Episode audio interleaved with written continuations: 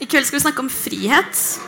Et uh, tema som Røyst har viet en hel utgave til, og som uh, kunnskapsministeren skriver om i Morgenbladet denne uka. Men hva betyr egentlig frihet? Hvordan blir begrepet brukt? Og hva kan vi gjøre for at folk skal få kunne leve ordentlig frie liv? Eller trenger vi egentlig mer frihet her på berget, hvor vi har det så bra? Til å diskutere dette har vi fått med oss et flott panel. Her har vi Ola Innseth. Han er stipendiat i historie ved European University Institute. Han er forfatter, redaksjonsmedlem i Manifest tidsskrift og var bidragsyter i Røyst sin utgave nummer fire. Um, så har vi Kari Elisabeth Kaski, partisekretær i SV. Vær så god. Eh, og midt oppi nominasjonskamp om førsteplassen på, på, Oslo SV sin stortingsliste. Hun er tidligere nestleder i Miljøstiftelsen Zero og bidragsyter i Agenda Magasin. Ja, Og til slutt så har vi Ove Vanebo. Han er jurist og statssekretær på det frihetselskende Departementet for justis og beredskap. Eh, Skribent i tidsskriftet Minerva og tidligere leder for Fremskrittspartiets Ungdom. Takk.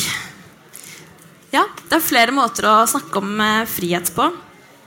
Uh, vi kan ha frihet fra ting eller til, til ting. Og vi kan ha frihet til å velge, og kanskje noen setter pris på friheten til å la være å måtte velge. Uh, og vi har ytringsfrihet, organisasjonsfrihet, religionsfrihet og det ene med det andre. For noen er frihet vin i butikk. For andre er frihet å kunne slutte i en jobb som er helseskadelig. Uh, men så, Derfor så vil jeg begynne, panel, begynne, med å spørre panelet om hva de mener uh, frihet er, og hva de legger i frihetsbegrepet. Vi begynne med deg, Ove. Ja. Um Først så kan jeg jo si noe innledende om det. og det er at eh, Jeg har vært i eh, en del frihetsdebatter før. Ehm, og det jeg etter hvert har kommet frem til, er jo at uh, frihet er jo en slags sånn hva sier, essentially contested concept. Altså et begrep det er vedvarende og uforenlig uenighet om. Uh, og jeg tror at vi kan, kan få en uh, interessant diskusjon, og selv om det ikke fins et godt svar, så tror jeg ikke alle svar er like gode. men for meg så er, er frihet uh, i utgangspunktet det som uh, er den mer klassiske liberale forståelsen med, med fravær av tvang. Uh, det betyr ikke at jeg er mot alt mulig annet, men, men det er mest for å få en hensiktsmessig avgrensning, sånn at begrepet har en viss analytisk verdi. Så, så igjen fravær av tvang og hindringer og, og den type ting. Takk. Og du, Kari Elisabeth? Ja, nei, Jeg har ikke vært i noen frihetsdebatter før, men jeg er glad i frihet. Uh, og jeg uh, tenker vel i utgangspunktet at dette er jo et tema som aldri kan eller bør bli ferdigdebattert. Og at det er egentlig ganske viktig i den tida vi lever i nå, uh, å ta de kontinuerlig prinsipielle debattene når det kommer til frihet, ut ifra to aspekter. Det ene er å sette opp imot den utviklinga som vi ser nå, med både framvekst av autoritære krefter i lys av valget av, av Trump i, i, USA, og andre autoritære politikere og partier som, som, er på framvekst, og hva det innebærer av at I hvert fall for folk på min alder, da, som, som kanskje er født med med Berlinmurens fall og, og tar en del eh, verdier for gitt som har vært kjempa fram tidligere, at vi plutselig opplever at vi er nødt til å, å, forsvare de verdiene i større grad enn det vi har, har trodd vi har, har måttet. Det andre eh, aspektet er jo eh, at mulighetene for for aktører som f.eks. staten, men også andre uh, kommersielle aktører, til å på en måte innskrenke enkeltindividets frihet er blitt og blir stadig større. Enten det kommer til statens uh, muligheter til å drive på med overvåkning, i terrorbekjempelse, som er høyst aktuelt etter denne sommeren, eller hvor sårbare vi er når vi si, utleverer så stor del av vårt, vårt liv via f.eks. Facebook, og hvem som eier eier, eier den kommunikasjonen som vi har der. Takk. Ola? Ja, eh, Fred er jo et ord Eh, og mer interessant enn akkurat hva jeg mener med det, er jo Der, ja. Det jeg sa, var at frihet er et ord. Konkluderte jeg med. Eh, og mer interessant enn hva jeg eh, mener at det bør bety, eh, personlig, er jo det faktum at det faktisk kan bety veldig forskjellige ting for forskjellige mennesker. Og ikke minst at et tiltak kan bety mer frihet for noen og mindre frihet for andre. Det samme tiltaket. For eksempel Eh, så er det sikkert enkelte av Fremskrittspartiets velgere som opplever det som en frihet å slippe å ha flyktninger i sitt nabolag. Eh, men så er det ikke sikkert at for de som nå blir deportert til Afghanistan, eller de som sover i flyktningleirer på grensa mellom Hellas og Makedonia, at sånne tiltak oppfattes eh, som frihetsgivende for dem. Men hvis frihet allikevel skal ha en slags overordna betydning da, på tvers av individuelle preferanser, på tvers av kulturforskjeller og sosial klasse, så tenker jeg at det må begynne med noe såpass grunnleggende som det materielle grunnlaget for livene våre. F.eks. Uh, det å ha mat og husly. Og da er det faktisk sånn i dag at det er 767 millioner mennesker som lever i det som kalles ekstrem fattigdom i verden. Og de kan jo da neppe karakteriseres som frie på noe som helst vis, og det burde være jobb nummer én å gjøre noe med det. Men hvis vi utvider da, eller snevrer inn mer eh, presist og snakker om Norge i dag, og hvordan vi har det her, eh, så har jo vi mat og husly. Eh, men for å få det, så er vi jo tvunget til å delta i et mildt sagt ganske omfattende system. For å få husly så må man sette seg i enorm gjeld til finansinstitusjoner. Eh, for å få mat så må man bruke det aller, aller meste av tida si og energia si på jobber som kan være meningsløse, eller i verste fall kan bidra til å gjøre verden til et dårligere sted. Så hvor frie er vi egentlig da i kapitalismen? Eh, kan vi gjøre hva vi vil? Kan vi eh, bruke tida vår på det vi vil? Eh, åpenbart ikke. Så da vil jeg si at eh, frihet, for å parafrasere Gandhi, eh, ville vært en god idé. Eh, og det ville vært noe sånt som at vi kunne, hadde kunnet hatt mulighet til å bruke så mye som mulig av tida vår på andre ting enn å jobbe, og på å gjøre ting vi har lyst til isteden. Takk. Eh, Ove, dette med materiell, eh, materiell standard og det til å skaffe seg husly, er det, er det noe annet enn frihet for deg? Eh, ja, det er vel eh, det enkle svaret. Eh, også med mitt, eh, mitt, frihetsbegrep så kan man godt være utsulta og, og, fattig og ha et ganske, ganske fælt liv. sånn sett. Eh, men jeg tenker nok frihet da mer i, i en slags sånn politisk betydning. Eh, og at, eh, at, det innebærer da fravær av tvang utført av andre. Det betyr jo ikke at, at i mange tilfeller for veldig mange er viktigere med mat enn f.eks. ytringsfrihet. Det, det, tror jeg er ganske opplagt. Men, men, ut fra den måten jeg definerer frihet på, så er det helt klart noe, noe annet enn en retten til mat osv. Hva tenker du om det? Ja, eh, det er jeg for så vidt enig i. At frihet er et større begrep enn, enn på en måte de grunnleggende Enn bare å ha dekka de grunnleggende behovene. Men man, eh, og det tenker jeg er liksom på, forskjellen på venstresida og mitt frihetsbegrep og kanskje høyresida sitt, da, er jo at eh, fraværet av frihet eh, for enkeltpersoner handler jo nettopp om andres eh, kanskje for eh, at andre har for stor frihet på bekostning av andre. Eller at eh, det er sånn at man ikke nødvendigvis eh, alle menneskers liv er hva man sjøl eh, gjør det til, men at det faktisk påvirkes ganske mye av andre eh, faktorer, andre aktører. Eh, så, så, det er liksom underkommunisert, eller hva man skal si, høyresida setter en slags sånn ikke-likhetstegn mellom eh, frihet og fellesskap, mens jeg vil sette frihet og fellesskap ganske tett opp mot hverandre. At de to eh, er egentlig avhengige av hverandre. Vi får ikke noe frihet for enkeltindividet uten uten et fellesskap. Samtidig, når det er sagt, så eh, er det jo nettopp der jeg tror at eh, deler av venstresida kanskje har i for stor grad vært for lite opptatt av individet i det fellesskapet. For det er jo pga. individet at vi vil ha et fellesskap. Jeg tror folk eh, er fri i et fellesskap, men jeg tror også vi må hegne om på en måte integriteten til et individ og skape et frihet, frihet til å kunne ha sjølrealisering, enten det er gjennom jobb eller gjennom eh, fritid og kultur, eller, og frihet til å kunne gjøre ting som andre ikke ser eller andre ikke vet av. De hemmelighetene som man skal kunne ha og ingen andre finne ut av. Og det, Den der kombinasjonen av, av et fellesskap som sikrer deg eh, sikrer deg frihet til å kunne på en måte realisere seg sjøl, det er kan man si, fundamentet i friheten for meg. Ja, altså bare For å presisere en ting, så, så tror jeg også at uh, et fellesskap er helt avgjørende for å ha frihet. Og jeg tror jo på, på, en rekke viktige institusjoner som vi er nødt til å ta hånd om i fellesskap. Og jeg er jo uh, blant de som mener at du må ha, ha, en sterk stat, men at den samtidig må være avgrenset.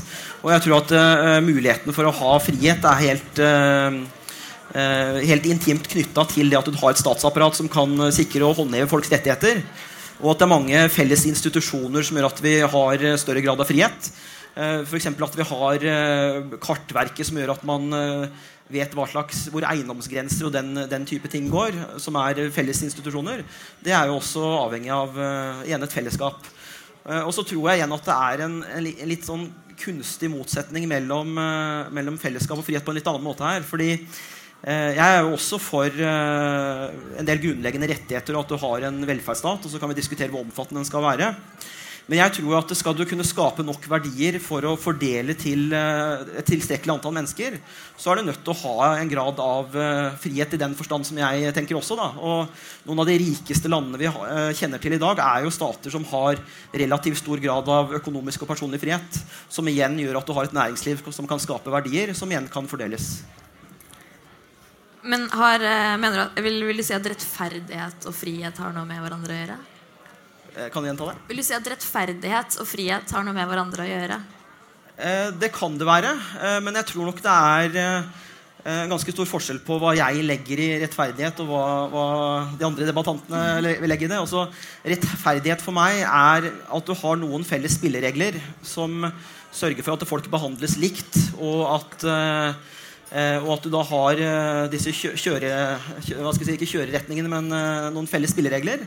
Og så er ikke jeg så opptatt av hva, hva resultatet blir. Men der tror jeg nok, uten at jeg skal foregripe hva dere vil si, at de andre her vil være mer opptatt av hva, hva er resultatet, og er det rettferdig at man har en, en viss fordeling osv. Uh, og det, det, er jo da selvfølgelig avhengig av hva vi legger i frihet. Ja, og Ola, du er jo stipendiat i historie og du skriver om nyliberalismens historie. Um, men jeg tenkte kanskje om du, hadde, om du kunne si noe om hvordan frihetsbegrepet har blitt brukt på en måte forskjellig gjennom tidene. da Ja, for det er en ganske br broket historie hvordan måtte, frihet har blitt brukt som et politisk begrep. Uh, og det som vi i ettertid har kalt liberalisme, da det begynte å vokse fram på 1600-1700-tallet, uh, eh, så hadde det å gjøre med at en del prinsipper da, om frihet ble løfta fram i politisk debatt. Eh, og en viktig del av det eh, var uh, muligheten til å delta politisk. til å få politisk representasjon. For her er jo på tide da det fantes eneveldige konger. ikke sant? Så det handla om makt og medbestemmelse. Et eksempel på det er den amerikanske revolusjonen, hvor et av slagordene var 'No taxation without representation'. At de ville ikke være underlagt den britiske kronen når de ikke engang var representert politisk. Så da handla frihet om å være med å bestemme rett og slett. Og så skjer det noe spennende etter den franske revolusjonen, demokratiske revolusjoner, hvor pipen får en litt annen låt. Og liberalismen har alltid vært splitta i ulike leirer osv. Og, og de splittelsene har veldig ofte handla om i hvor stor grad de her eh, rettighetene og frihetene man snakker om, skal gjelde for alle, eller om det skal gjelde for et privilegert mindretall. Eh, så etter den demokratiske revolusjonen så var det noen som kalte seg, kalte seg som vi har kalt i ettertid, sosialliberalister eh, som jo i veldig stor grad overlappa med det som etter hvert ble sosialister, eh, som begynte å argumentere for at også svarte burde få ta del i dette nylig opprettede demokratiet. For det, var jo slaveri på den tida. Den første setningen i amerikanske uavhengighetserklæringen fra 1776 All men are born free and equal. Skrevet og undertegna av mennesker som eide slaver. Så tenk på Det det sier jo litt om den dobbeltmoralen som kan være involvert da, i bruken av sånne begreper. Eh, og da sosialister og sosialliberalister begynte å si at svarte og fattige, som jo var den all, praktisk talt alle på den tida, og ikke minst kvinner, de burde også få være med i det her demokratiet. Først da begynte liberalist, noen liberalister å utvikle det som har blitt det moderne, negative frihetsbegrepet, hvor frihet ikke lenger handler om å være med å bestemme og delta politisk, men tvert imot om å bli beskytta fra det politiske. Gjerne da fra demokratiet. Eh, da begynte liberalister å bli veldig redde for for mye demokrati. De skrev veldig mye om det her og var redd for flertallets tyranni osv. Uh, og det her var jo da samfunnets rikeste, som hadde fått uh, masse makt etter uh, demokratiske revolusjoner, men som ikke var spesielt interessert i at kvinner, svarte, fattige osv. skulle få de samme. Um, og da vrei de på det. ikke sant? Sånn at frihet, i stedet for å bli noe man kjemper for og får, får sammen, så ble det noe som man har individuelt, og som må beskyttes fra det andre utafor. Som da gjerne var demokratiet. For deg, var jo argumenter utvikla for å kjempe mot allmenn stemmerett først. Og etter hvert også mot at demokratiet faktisk skulle ha noe makt over økonomien og over ting som faktisk betød noe da, for maktforholdene i samfunnet. Så det jeg er litt redd for, er jo at vi da i dag, i vår eh, privilegerte boble, så å si, hvor vi alle har stemmerett, vi har alle mat og husly, eh, begynner å tenke på en måte som om vi er aristokrater i Frankrike på 1800-tallet. Og begynner å tenke at frihet jo, det er noe vi har, eh, hver og en for oss, eh, som må beskyttes fra det farlige kollektivet utafor. Vi kan for all del diskutere eh, forholdet mellom individ og kollektiv osv. Det er veldig viktig. Eh, men det her negative, individuelle frihetsbegrepet det går imot alt venstresida historisk sett har stått for. Kan man snakke om at frihet er det samme at frihet for meg eh, Eller er det det samme som skal til for at jeg kan leve et litt mer fritt liv som en somalisk alenemor, f.eks.? Nei. Det tror jeg egentlig ikke. Det er to forskjellige situasjoner. Og jeg vet ikke hva begrepet frihet eh, gjør for oss i en sammenheng. Nei. Men jeg er villig til å lytte til uh, motargumenter. For handler, som du skriver da, det, nei, sa, det handler om å kunne ta, ha makt over sitt eget liv og, og ha, ta på en måte reelle valg.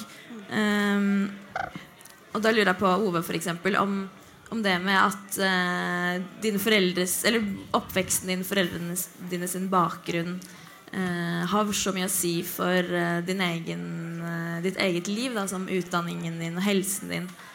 Er det, er det et problem for friheten til norske borgere, f.eks.? Når sammenhengen er så Nei, altså det, det, igjen, igjen, så uh, tror jeg at uh, Veit jeg ikke om det uh, beveger debatten så, my så, mye videre. For altså jeg, jeg, tenker for så vidt at det har egentlig lite med frihet å gjøre. Men en diskusjon er jo kanskje da heller om vi bør prøve å jevne ut de forskjellene eller sikre, sikre mer, større, større grad av muligheter.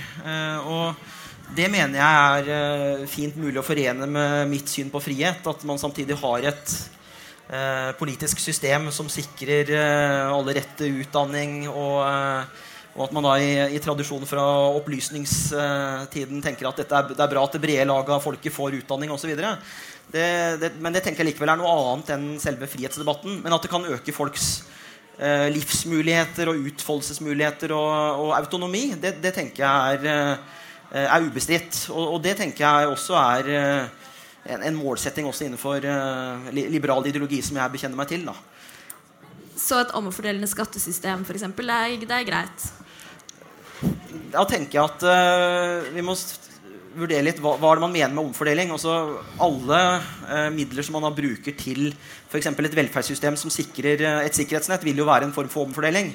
Eh, og hvis man tenker på det som omfordeling, så er jeg tilhenger av det. Eh, men, men, at man skal nødvendigvis eh, skattlegge folk for at de skal ha mindre å disponere, og, og mener at eh, Eh, små forskjeller i, i, seg selv kan være en verdi. Det, det er jeg litt mer skeptisk til. Også jeg, jeg kjenner til argumentene og, og, har forståelse for dem. Men jeg tenker igjen at det er noe litt annet enn en frihet. Og da går vi over til den, denne likhetsdebatten som eh, kanskje faller litt utenfor hva vi skal diskutere her. Men, men, kan jeg bare kommentere litt kort det Ola sa? Fordi eh, jeg tror nok igjen at man, eh, man eh, karikerer litt dette med liberalistenes kamp mot demokrati. For det er jo sånn også innenfor vårt uh, politiske system og, og, det brede sosialdemokratiet i Norge, som uh, man langt på jeg kan si høyrepartiene faller inn under, så er det jo sånn at det var et bredt flertall på Stortinget som stemte for dagens grunnlov. eh, i grunnlovsreformen i, i, 2014, hvor man gikk inn for en del av disse klassiske liberale rettighetene som ytringsfrihet, eh, eh rett til eiendom osv. Og der er det jo sånn at Hvis man skal endre Grunnloven, så krever jo det to tredjedels flertall. Og man kan ikke med alminnelig flertall uh, vedta lover som strider mot Grunnloven. Det er jo en binding av demokratiet på mange måter. Men jeg mener jo samtidig at uh, det er også en del av demokratiet. Fordi minoritetsrettigheter er helt klart en del av et demokratisk system. Og at man da sikrer ytringsfrihet selv om eh, f.eks. et flertall er for det. Og det er jo ikke noe som er antidemokratisk. Det er tvert imot en del av demokratiet, sånn, sånn jeg ser det. Kari Elisabeth? Altså, jeg tenker det, eh, at økonomisk likhet og like muligheter henger veldig tett sammen med friheter. Fordi det handler om, for meg i hvert fall, frihet er friheten, muligheten til å kunne realisere seg sjøl. Og i dag, sjøl i Norge, så, så, er jo de mulighetene ujevnt fordelt. Eh, og derfor så handler også fordeling om, om å på en måte fordele frihet.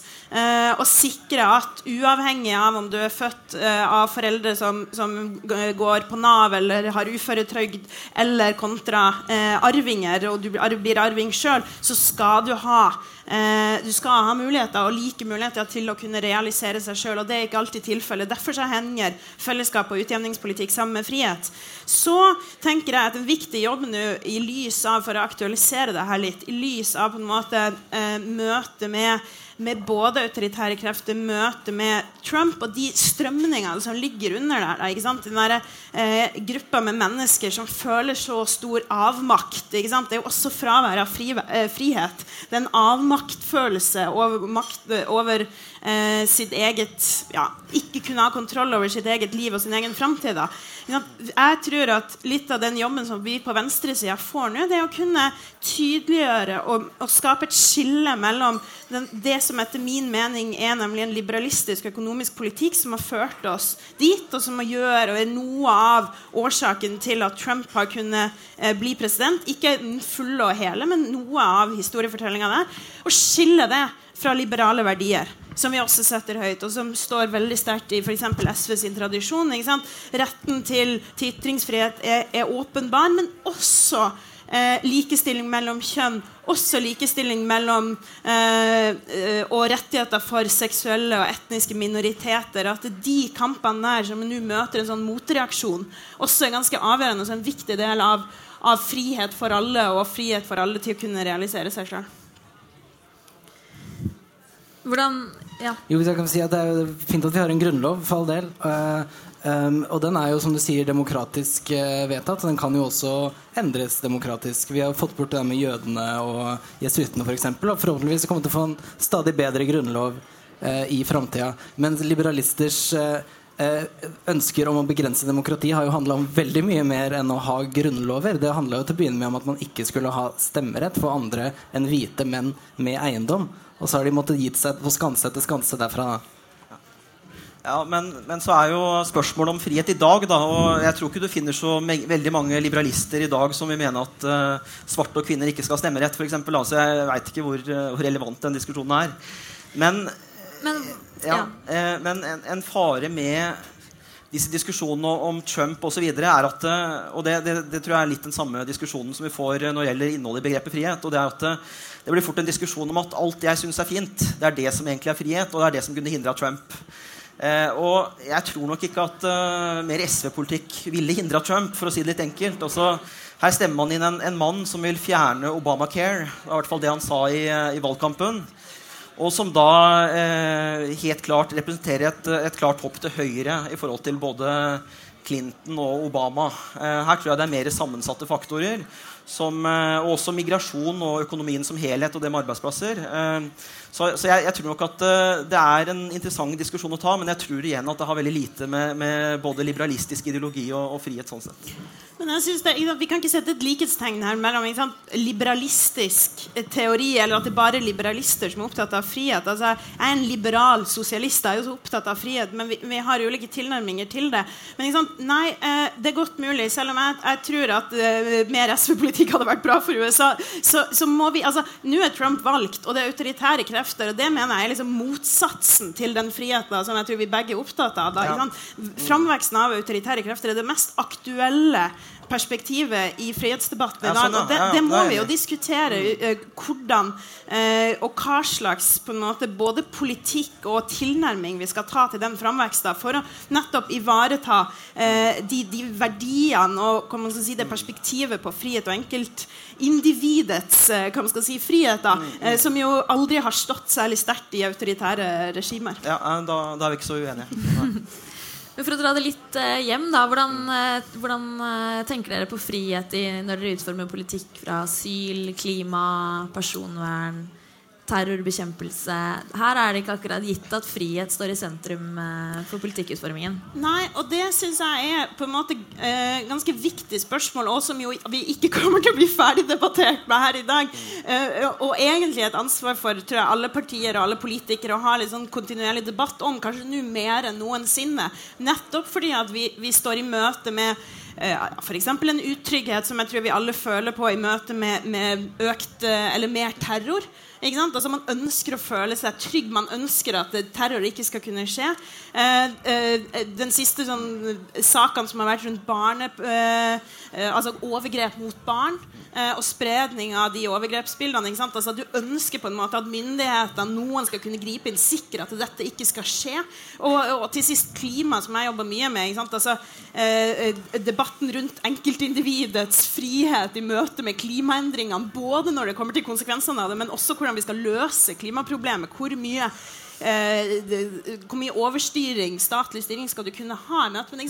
Det er utrolig krevende og prinsipielt viktige diskusjoner å ta, som jeg ikke alltid opplever at, at eh, er like sterke i alle partier, men som, som jeg tror at i hvert fall den historikken eh, og, eh, som SV, og tradisjonen som SV tar med seg, er ganske ja, Vi ser det jo i at vi i hvert fall bidrar inn, i likhet med kanskje både Frp og Venstre, et sånn frihetsperspektiv, eh, eh, i motsats til f.eks. andre mer sånn statsbærende partier som Høyre og Arbeiderpartiet. Ove?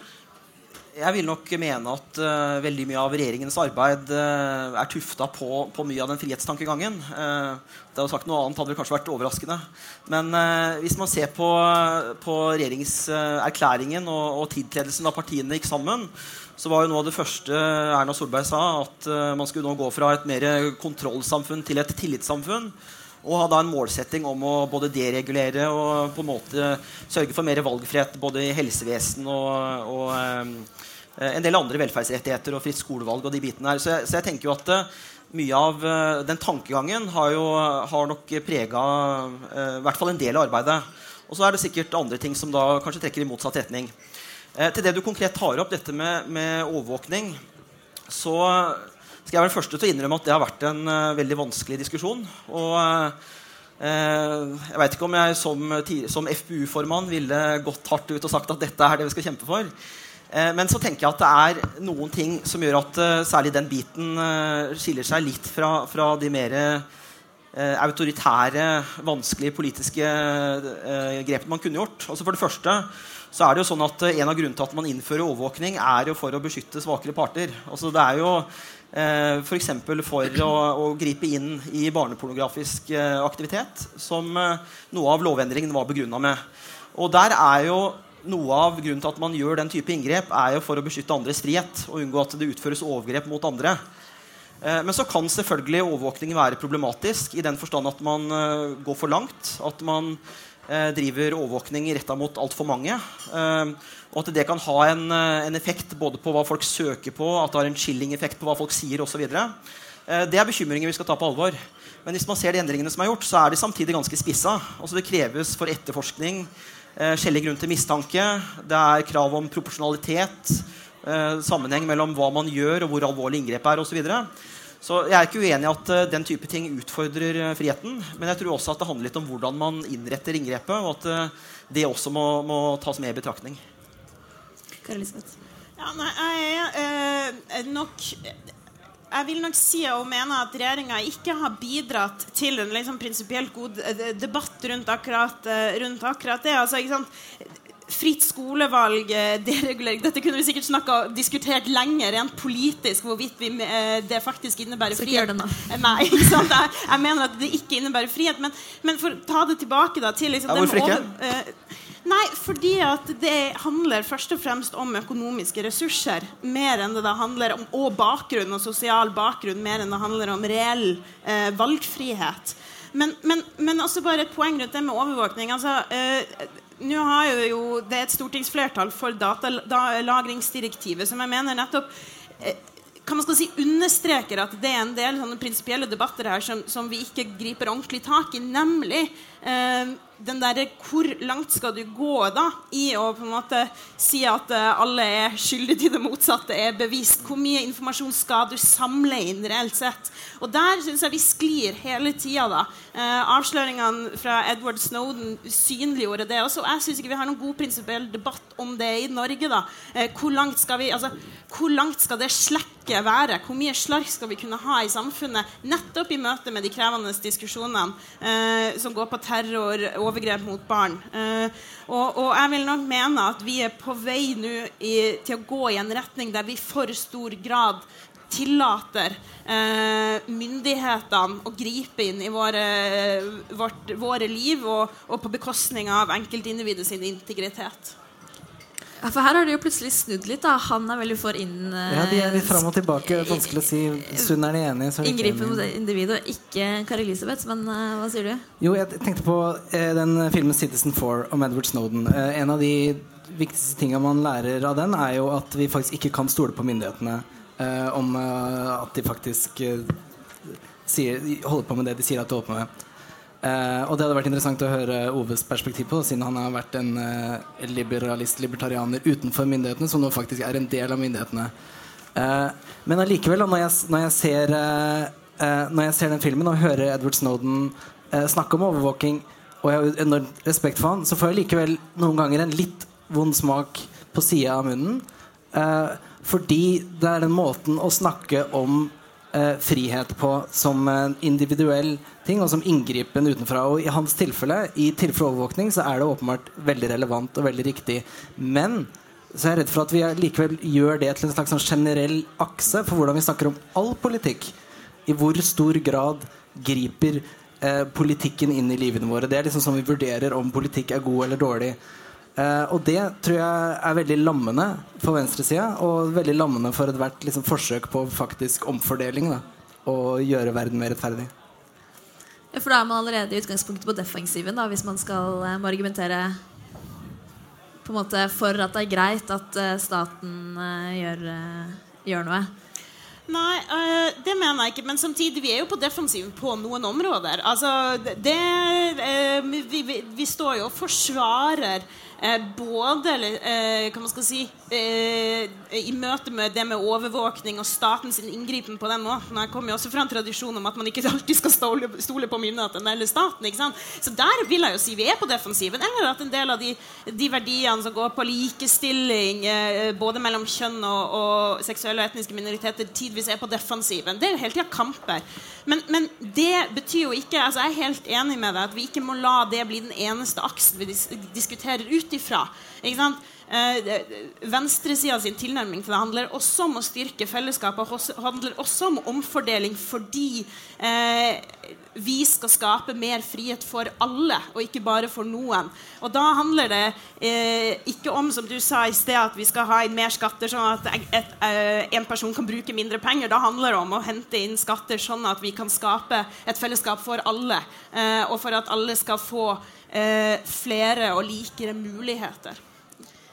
Du nevnte også at, at, familien og fellesskap som religiøse samfunn De blir mindre viktige i dag. Og da er det kanskje naturlig at staten tar over litt av det ansvaret som familiene og religiøse samfunn hadde før. Med, nettopp dette med omfordeling og, og fellesskap. Da. Hva tenker du om det?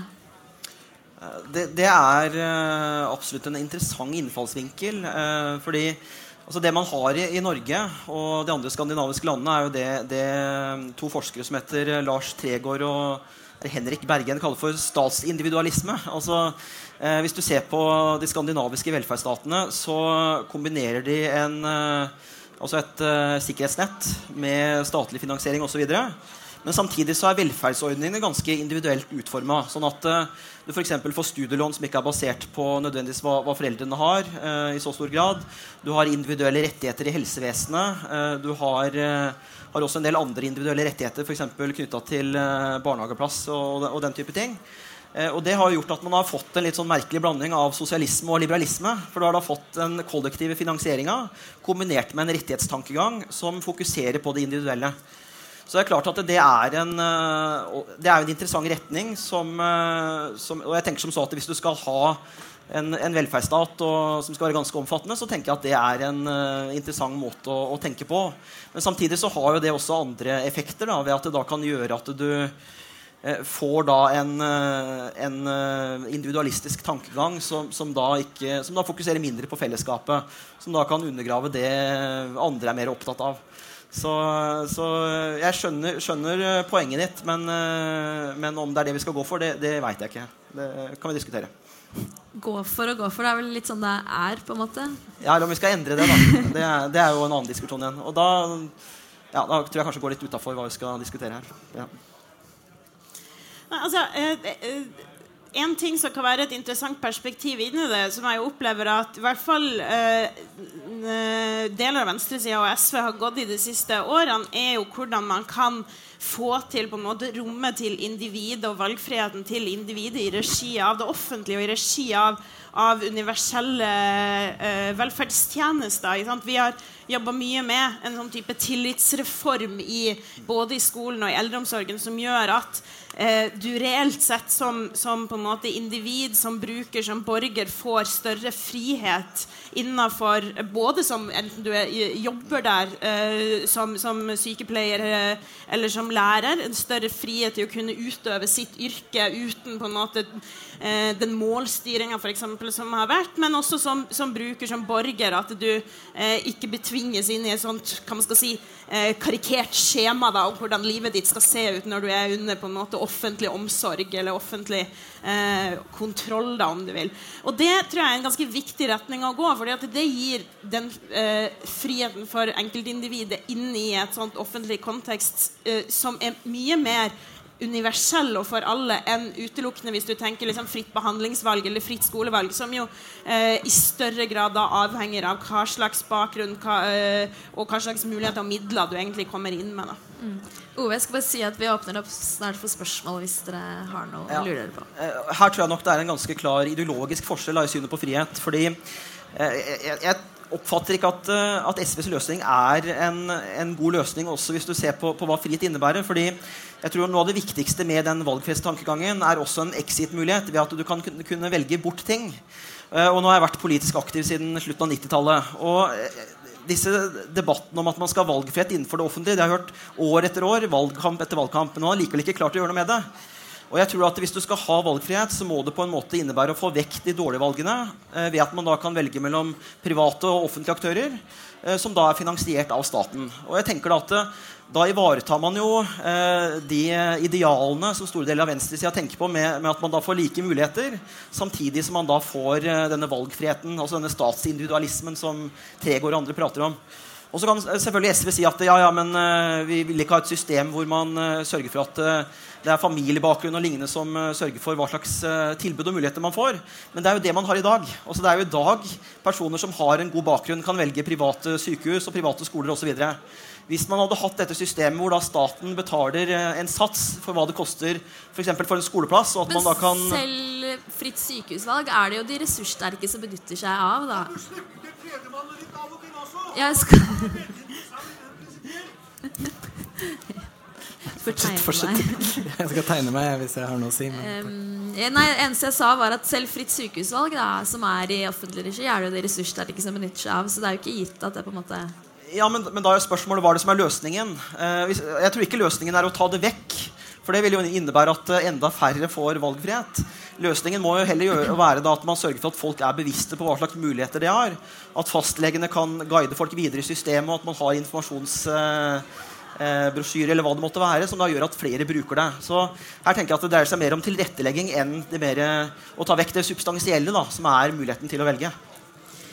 Um, ja. Olav Elgvin skrev i Klassekampen at uh, mente at frihet kanskje var, det var passé å snakke om uh, frihet, i hvert fall for norsk venstreside. Hva tenker du om det? Jo, jeg, jeg tror for så vidt uh, han er inne på noe. Jeg tror det er veldig, altså hvis vi, hvis vi Når vi forstår frihet som så individuelt da, og negativt som vi kulturelt faktisk gjør i vårt samfunn i dag, på en så høyreorientert måte, hvis jeg har lov å si det, Eh, så forsvinner jo veldig mye av det som faktisk er viktig for oss mennesker. Eh, fordi vi er, har jo faktisk tette bånd til andre mennesker og til menneskeheten som helhet, til naturen. Eh, og bånd som er mye mer enn bare kontrakter mellom individer, sånn som liberalismen forstår det. Så sånn sett har jo sosialister mer til felles med konservative, faktisk. Men det er en annen historie igjen. hva som er gærent med de. Men, men det, jeg tror det er mange andre ting eh, som, som, vi er mer opptatt av. Jeg tenker f.eks. på demokrati, eh, makt, eh, mening. Og faktisk, Hva er det som er viktig for oss i tilværelsen? Da? Tilhørighet. Å føle at vi faktisk er en del av noe som betyr noe. At livene våre, alt det vi gjør hver dag, faktisk betyr noe. Og så kan vi jo kalle alle de tinga her for ja, det er det som er frihet. Det er det som er virkelig frihet. Eh, ok, det, Kanskje kan vi gjøre det, men kanskje kan vi like gjerne prøve å styre debatten litt mer bort da, fra det frihetsvokabularet som er såpass tatt over av høyresida. For det er jo kanskje når du snakker om eh, populisme og Trump og sånn, at det de spiller på, er en utrygghet hos folk. I tillegg til kanskje en, eh, en materiell eller en økonomisk dimensjon, da, men at man kanskje burde eh, gi dem den tryggheten de etterspør, før man på en måte skal begynne å snakke om all denne friheten. Ja, og det tror jeg er en veldig farlig vei å gå. Og det er liksom kanskje nå mer enn en, eh, på lenge behov for å, å, snakke om på en måte eh, de andre frihetene også. For ikke sant, hva er det som skjer nå? Altså, eh, eh, Fortellinga blir jo veldig fort at det var den sinte eh, hvite mannen som, som har mista jobben, som på en måte stemte fram Trump. Eh, og hvis du skal på en måte tenke da, at jo, men da må vi ha omfordeling, og så eh, har vi løst problemet for han, så, eh, men ikke snakker om de verdiene, da, ikke snakker om de rettighetene og eh, hva man skal si, den identitetspolitikken som kommer til å være under press nå fremover, så blir det på en måte frihet for den hvite mann. Eh, men vi, vi, tar ikke hensyn til, eller vi, vi underkommuniserer at det også er mennesker med annen etnisitet, det er kvinner inni det her, det er annen ulike typer seksuell legning. Og de perspektivene må jo være med inn også. Så er jeg jo enig med Ola i at det demokratiperspektivet er ganske avgjørende. Og at det er jo litt av uh, utfordringa i USA også, at det er så stor avmaktsfølelse. Uh, at man både har uh, mangla omfordeling Eh, omfordeling er viktig for å fordele også makt. Og at man har mista andre typer grep og virkemidler som gjør at folk har en mulighet til å være med og bestemme hvordan samfunnsutviklinga skal være, og hvordan utviklinga for sitt eget liv skal være. Og da mister man jo eh, Da mister man både fellesskap og man mister eh, makt og mulighet over, over sitt eget liv. Men Er du enig at det er, er det ting det er verdt å på ofre en frihet for? da? F.eks. når man går inn i et ekteskap, eller at man er på jobb. At det, nødvendigvis ikke frihet er å kunne gjøre akkurat hva man vil til enhver tid, men at man har ja, altså frihet eh, altså Jeg vil jo være på jakt etter den frihet Eller hva man skal si de problemstillingene som gjør at man får mest mulig frihet for flest mulig. For alle. Og det betyr at du må innskrenke for noen. Det gjør det jo selvsagt. ikke sant? Frihet for meg er ikke at alle kan gjøre det en vil til enhver tid. For da er det noen, eh, også sånn som eh, godene og makt er eh, fordelt i samfunnet, som på en måte taper på det. Eh, men, men, jeg tror det er en farlig vei å gå da, å, å diskutere sånn, nå må vi skape trygghet. For hva er det som ligger i det trygghetsperspektivet? Jeg tror vi mister eh, mister ganske mange eh, viktige rettigheter og viktige frihetselementer da, på veien hvis vi eh, bare skal snakke om trygghet. Jeg tror eh, fordeling, fordeling av goder, fordeling av ressurser, fordeling av makt er helt avgjørende. At det er den retninga skal gå, samtidig som vi skal hegne om de liberale verdiene som vi tross alt har kjempa fram, og som fortsatt, vi må fortsette å kjempe for. Ja, ellers så kan man si at det er, jo, det er det frihet. Det er å kunne gjøre akkurat hva man vil, når man vil. Det er frihet. Og så er det jo veldig mye annet da, som gjør oss lykkelige enn å kunne gjøre akkurat hva vi vil når vi vil. Eksempel er det mange av oss som liker å ha en familie, og da kan man ikke gjøre akkurat hva man vil når man vil lenger. Og likevel så finner mange at de er lykkelige, og de har det bra eh, av det. Så da, det viser jo at det er jo helt andre ting enn frihet som vi også er interessert i, og som bør være målet for å lage gode samfunn. Ja. Nei, jeg, jeg, jeg leste også den uh, teksten fra, fra Elgvin, og det som slo meg, er uh, egentlig det at uh, det, det, er egentlig ikke et argument mot frihet, men det er en understrekning av at politikk er så mye mer. At det også er en avveining hvor man må ta hensyn til, til trygghet, orden og en del andre faktorer. så jeg oppfatter ikke den som et argument mot frihet, men mer en understrekning av at det er mer i menneskers liv. Eh, så er det jo selvfølgelig en diskusjon om man skal gå med på, på å innskrenke friheten for å, for å oppnå andre ting. Eh, jeg tror det er, er, viktig å skille der. Jeg tror det er en del ting man ikke kan kompromisse på. Altså jeg, jeg, er ikke for å innskrenke ytringsfrihet og, og personvern og, de, og, den type ting. Og det, der eh, mener jeg at vi skal være ganske kompromissløse på de mer klassiske menneskerettighetene. Men samtidig så tror jeg også at uh, hvis man ikke anerkjenner at mennesket har andre behov, så kan man også bane veien for andre bevegelser. Eh, Hayek, som er eh, en, eh, en, klar representant for en liberal ideologi, argumenterer bl.a. for at han, altså Hans utgangspunkt er at det hadde vært veldig positivt om vi hadde vært i en verden hvor det kunne være fri innvandring. Og jeg skulle også ønske at vi levde i en situasjon hvor det hadde vært mulig. Men det man eh, kan se, er at hvis man fører en, eh, en altfor eh, si, slapp innvandringspolitikk, så eh, poengterer Hayek at det kan føre til at man får en backlash der hvor krefter som ønsker å stramme inn enda mer enn sånn det var før, vil kunne komme til makta og gjennomføre en del autoritære grep.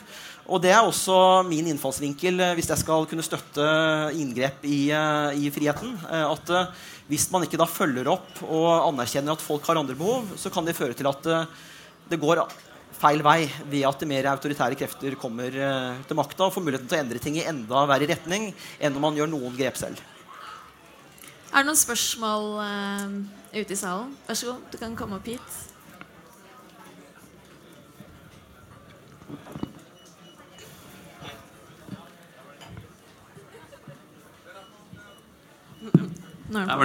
Jeg skal være veldig kjapt. Uh, Ove Vanebo, bare for å spørre om jeg hørte deg riktig. Sa du, som kom fra Justis- og beredskapsdepartementet, at vi ikke kan komprom gjøre kompromisser på personvern og ytringsfrihet? Sa du virkelig det? Og, og, og, i så fall, hva i all verden mener du med det? Så det, er mulig at jeg uttrykte meg uh, litt upresist. Uh, uh, det jeg mente å si Det er sånn alle politikere uttrykker seg når de har sagt noe klønete. det jeg mente å si, er at jeg tror at for alle grunnleggende verdier, da, både personvern og ytringsfrihet, så er det en kjerne som er såpass viktig at man ikke kan rokke ved den. Eh, og det er klart at eh, Selvfølgelig så vil man alltid eh, gjøre inngrep i, eh, i personvernet. Også all overvåkning innebærer jo det. Så, så, så lenge man eh, er for f.eks. telefonavlytting, så vil man jo akseptere inngrep i, i, personvernet. Men det jeg tror jeg må være bevisste på, er jo igjen utformingen av de inngrepene. Eh, og det jeg er skeptisk til, også bare for å ta personvern som et eksempel, er at man får en veldig omfattende generell overvåkning. Og Det er derfor jeg for er mot datalagringsdirektivet. Fordi det innebærer en uh, innsamling av informasjon som omfatter veldig mange mennesker som uh, ikke nødvendigvis har gjort noe galt. Uh, så, så, igjen, jeg, selvfølgelig så er jeg for noen inngrep, men jeg er veldig for at vi skal begrense og sørge for at de inngrepene treffer målretta, og at færrest mulig rammes av dem. Er det noen flere spørsmål? Nei? Dere kan tenke litt til. Um, vil det nødvendigvis være sånn at for at flere skal kunne bli fri, i hvert fall på den måten du snakker om, at noen må miste en del frihet? Ja, Det spørs jo selvfølgelig nok en gang hva vi mener med frihet. Da. Men jeg mener jo at uh, vi på venstresida må være tydelige på at uh, demokratiet er i sin fulle rett til å gripe inn i f.eks. Jon Fredriksens personlige frihet og sørge for at han betaler mye mer skatt. Eh, hvis, altså hvis, verden skal bli mer rettferdig eh, så må, og mer demokratisk, så, så må faktisk eh, den lille minoriteten kjent som de rike miste noe av sin enorme frihet som de har til å skalte og valte med livene til resten av oss. Og det har jeg ikke noe problem med å forsvare. Fordi det eksempelet du brukte i sted, Ove, om, med Hayek og all friinnvandring Hvorfor er det sånn at det er de som vil komme hit sin frihet på vi skal stoppe, og ikke at vi f.eks.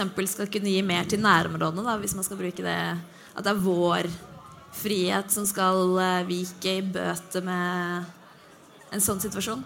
Jeg tenker at det er, det er egentlig litt to forskjellige diskusjoner. Um, hvis vi starter med det første som, um, som går på hvorfor vi kan begrense andres mulighet til å komme til Norge, da. Eh, så, så tenker jeg at eh, det skyldes rett og slett at eh, stater er, har sin primære forpliktelse overfor innbyggerne. Eh, og alle mener jo at eh, statens eh, statsborgere har, skal ha andre rettigheter innenfor et territorium enn personer som er utenfra. Det er ingen som argumenterer for at alle skal ha stemmerett med en gang de kommer til Norge. For eksempel. Eh, og av den grunn så mener jeg at det er legitimt å eh, innføre noen reguleringer på personer som da ikke hører under, eh, under statens Altså under borgerskapet, medborgerskapet, da, som statsborgerskapet er. Men så er det da på en måte en pragmatisk tilpasning til din liberalisme, eller betyr det at din liberalisme kun gjelder for de som er født innenfor Norges grenser og har norsk statsborgerskap? Så jeg tror du skal eh, lete ganske godt hvis du finner eh, liberalister som argumenterer for fullstendig fri innvandring. Eh, John Locke mente at en av de viktigste oppgavene til staten er å sørge for grensekontroll, og at de som kommer utenfra, har helt andre rettigheter enn statsborgerne. Hayek argumenterte for en restriktiv innvandringspolitikk. Friedman gjorde det. Og sånn kan man finne på, på område etter område. Også til og med John Rawls argumenterer for at staten har, har rett til å begrense personer utenfra da, og deres adgang til riket. Altså det, sånn må stater fungere, så hadde det jo ikke vært noe vits å ha stater. En kommentar på det?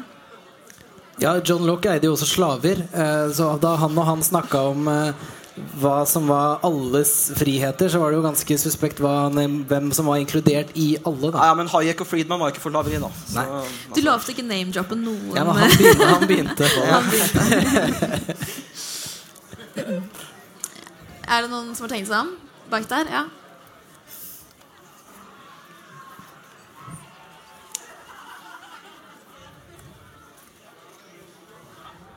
Der.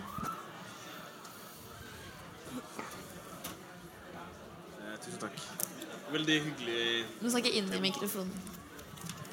Jeg må gjøre sånn her, da. Min frihet ble litt begrenset. Men eh, jeg, takk for eh, samtalen. Jeg, vil, jeg har spørsmål vedrørende eh, Vi har snakket veldig mye om frihet generelt, men frihet i et multikulturelt, flerkulturelt samfunn altså, Der er det mange temaer man kan gå inn på, særlig det som har religionsfrihet og ytringsfrihet. Religiøse fundamentalister, for eksempel, eller verdikonservative. Skal man, jeg, jeg vil ikke starte en nikab-debatt, det skal dere slippe. Men kunne dere gått litt inn på hva slags utfordringer har man der når det kommer til frihet da, i et eh, multikulturelt, fleretnisk, flerreligiøst samfunn? Takk. Takk. Jeg tror det var til deg, eh, Ove. Ja, eh, ja, hvor skal vi starte? Eh, eh, det er eh, Altså eh, Bare for, å- for å si det enkelt også, jeg, jeg er ikke for et monokulturelt samfunn. Og, og, og jeg er nok eh, har nok en mer åpen holdning enn mange av mine partifeller når det kommer til den type spørsmål. Men samtidig så, så tror jeg nok at det er en del ganske åpenbare utfordringer som eh, enhver liberal person må anerkjenne i et multikulturelt samfunn. Eh, og jeg tror den største utfordringen er at man får personer som definerer seg som å være på utsiden av samfunnet. Og at du da får parallelle strukturer hvor, staten ikke, altså hvor statens voldsmonopol ikke opprettholdes. Eh, og der har du eh, eh, vårt, vårt kjære naboland eh, Sverige, hvor det er eh, også, eh, Veldig upresist så er det noen som har snakka om no go-soner, og det, det er det ikke. Det, og det, det mener jeg er veldig upresist å si. Men det er klart at når du får områder hvor politiet og, og ordensmyndighetene ikke tør å, å rykke inn fordi det er andre grupper som håndhever ro og orden og har andre spilleregler for eh, ja, Apropos kvinners rettigheter, eh, homofiles rettigheter osv. Så, videre, så er det en utfordring. Også at du får personer som ikke anerkjenner eh, liberale rettigheter, og som eh, håndhever områder eh, i parallell med statens voldsmonopol. Men det, det tror jeg han egentlig også er enig i. Spørsmålet er på en måte disse religiøse rettighetene og hvordan Altså Den enkleste måten å forholde seg til det på, er å si at uh, alle skal forholde seg til de samme, samme rettighetene.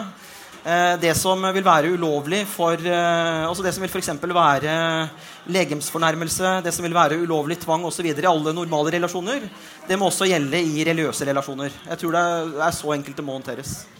Elisabeth. Altså, I utgangspunktet så tenker jeg uh, at vi eh, skal kunne ha et samfunn der alle skal få lov til å leve ut uh, sin religiøse tro, sin kultur. At det skal være stor grad av frihet til å kunne gjøre det, men ikke på bekostning av, av en enkeltperson da, sin, sin frihet. Vi må kunne være helt, helt tydelige på eh, at f.eks.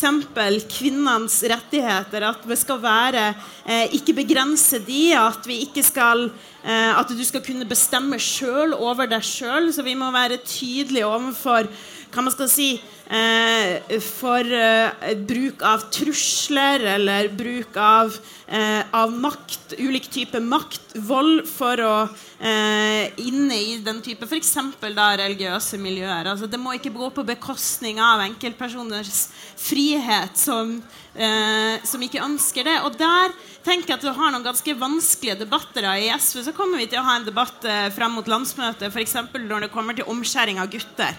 Eh, det er det er en, debatt der det er ganske ulike og harde fronter innad i, i partiet, og som er liksom krevende prinsipielle debatter eh, å ha. Også fordi det dreier seg om, om, mindreårige, det dreier seg om, om barn som ikke kan bestemme sjøl, men også sett opp mot da, religionsfrihet og, og hva er på en måte, hvor går grensa uh, ut ifra uh, Hvis det ikke volder en liksom, helsemessige skader, ja, eh, skal du da si nei, men da er det greit? Fordi at vi setter religionsfrihet også høyt her i, i landet. Mens jeg vil nok tilhøre de og, og være på den sida der jeg mener at vi likevel skal eh, ta utgangspunkt i at dette er et barn som ikke kan bestemme sjøl, og derfor må, må, få bestemme det sjøl. Men, men det er en interessant diskusjon. Men, men oppsummert så tenker jeg at vi, vi, må være veldig tydelige på at det er noen verdier som ligger fast, og som vi setter veldig høyt. F.eks. Eh, kvinners, eh, kvinners rettigheter, f.eks.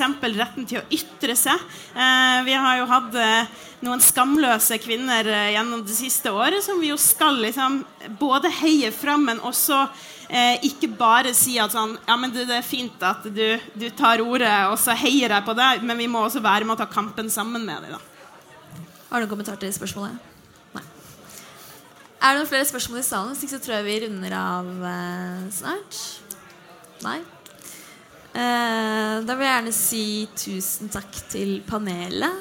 Og så håper jeg at eh, dere vil leve frie liv. Eh, fri for alle bekymringer.